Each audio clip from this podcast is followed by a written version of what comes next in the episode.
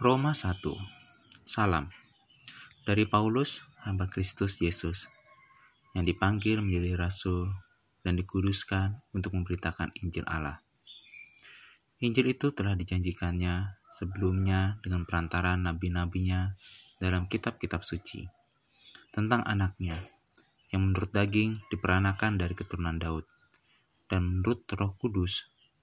Ulang.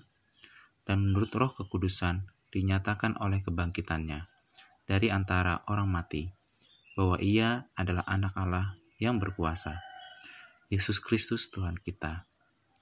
Dengan perantarannya, kami menerima kasih karunia dan jabatan rasul untuk menuntun semua bangsa, supaya mereka percaya dan taat kepada namanya.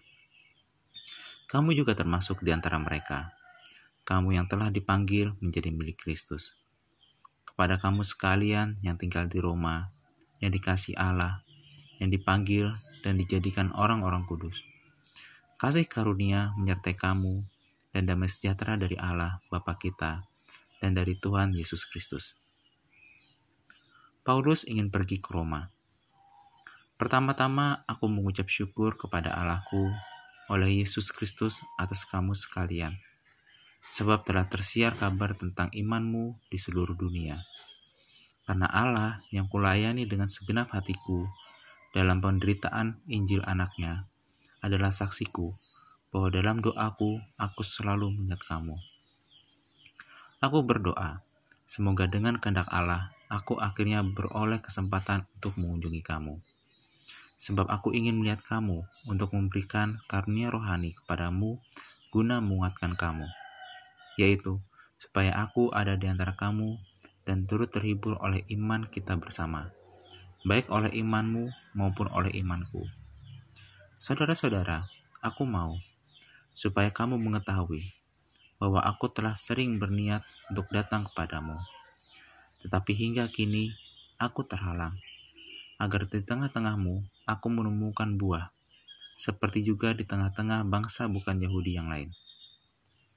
Aku berutang baik kepada orang Yunani maupun kepada orang bukan Yunani, baik kepada orang terpelajar maupun kepada orang tidak terpelajar. Itulah sebabnya aku ingin untuk memberitakan Injil kepada kamu juga yang diam di Roma. Injil itu kekuatan Allah. Sebab aku mempunyai keyakinan yang kokoh dalam Injil. Karena Injil adalah kekuatan Allah yang menyelamatkan setiap orang yang percaya pertama-tama orang Yahudi, tetapi juga orang Yunani. Sebab di dalamnya nyata kebenaran Allah yang bertolak dari iman dan memimpin kepada iman, seperti ada tertulis, orang benar akan hidup oleh iman. Hukuman Allah atas kefasikan dan kelaliman manusia. Sebab murka Allah nyata dari surga atas segala kefasikan dan kelaliman manusia, yang melindas kebenaran dengan kelaliman. Karena apa yang dapat mereka ketahui tentang Allah nyata bagi mereka, sebab Allah telah menyatakannya kepada mereka.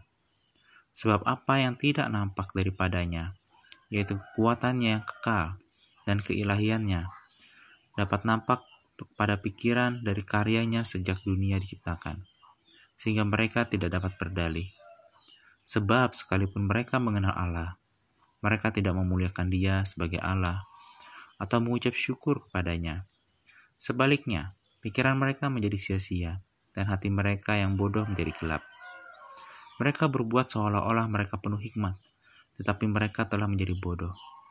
Mereka menggantikan kemuliaan Allah yang tidak fana dengan gambaran yang mirip dengan manusia yang fana, burung-burung, binatang-binatang yang berkaki empat, atau binatang-binatang yang menjalar.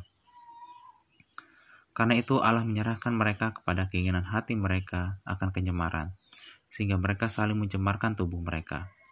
Sebab mereka menggantikan kebenaran Allah dengan dusta, dan memuja dan menyembah makhluk dengan melupakan penciptanya, yang harus dipuji selama-lamanya. Amin.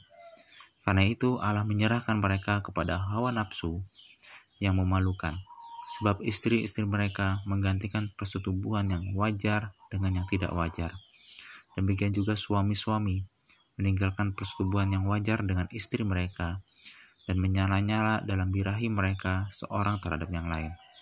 Sehingga mereka melakukan kemesuman laki-laki dengan laki-laki. Dan karena itu mereka merasa, ulang, dan karena itu mereka menerima dalam diri mereka balasan yang setimpal untuk kesesatan mereka. Dan karena mereka tidak merasa perlu untuk mengakui Allah, maka Allah menyerahkan mereka kepada pikiran-pikiran yang terkutuk, sehingga mereka melakukan apa yang tidak pantas, penuh dengan rupa-rupa kelaliman, kejahatan, keserakahan, dan kebusukan, penuh dengan dengki, pembunuhan, perselisihan, tipu muslihat, dan kefasikan. Mereka adalah pengumpat, pemfitnah, pembenci Allah, kurang ajar, congkak, sombong, pandai dalam kejahatan, tidak taat kepada orang tua, tidak berakal, tidak setia, tidak penyayang, tidak mengenal belas kasihan. Sebab walaupun mereka mengetahui tuntunan tunt ulang, sebab walaupun mereka mengetahui tuntutan-tuntutan hukum Allah, yaitu bahwa setiap orang yang melakukan hal-hal demikian patut dihukum mati. Mereka bukan saja melakukannya sendiri, tetapi mereka juga setuju dengan mereka yang melakukannya. Amin.